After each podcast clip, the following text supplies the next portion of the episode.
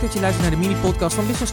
In drie minuten tijd krijg jij als ondernemer een krachtige inspiratieboost voor deze dag. En de boost die ik je vandaag wil meegeven is saaien, saaien en nog eens saaien.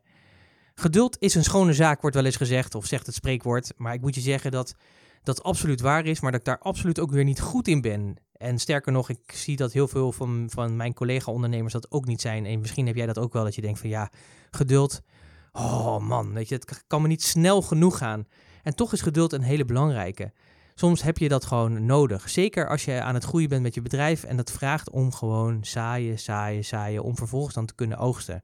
Ik moet ook heel erg denken aan, ik rij heel vaak van Zollen naar Ommen, naar een klein plaatsje waar ik nu nog tijdelijk woon.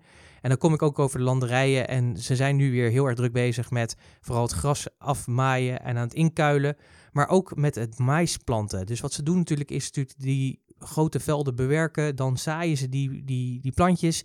En dan zie je in één keer dat dat naar boven komt. Nu begint dat een beetje naar boven te komen. En ja, in die tussentijd onderhouden ze natuurlijk een beetje die velden, zorgen dat er voldoende water is. En dan in september, oktober pas, dus dan ben je gewoon weer een paar maanden verder, zes, zeven maanden verder. Ja, dan zijn die maisvelden zo groot dat ze geoogst kunnen worden. En dan worden ze weer gebruikt uh, als uh, veevoer.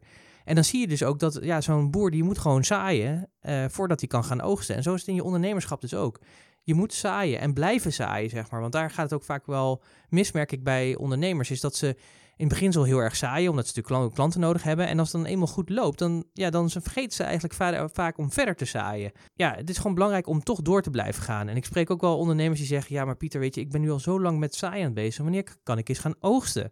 Ja, en daar komt weer dat boeren weer om de, om de hoek kijken. Maar ook meten is weten, want als ik kijk, zeg maar, ik kan in mijn CRM-systeem bijvoorbeeld, kan ik zien dat bijvoorbeeld als mensen zich opt-innen, dus inschrijven op bijvoorbeeld onze nieuwsbrief of op een wat voor product dan ook, dat van die nieuwe inschrijvingen het gemiddeld 65% van die mensen na een jaar, dus na een jaar, pas iets koopt, een vervolgaankoop doet. En wat het dan ook is. Hè. Dat kan een boek zijn of een masterclass of een traject of wat het dan ook is.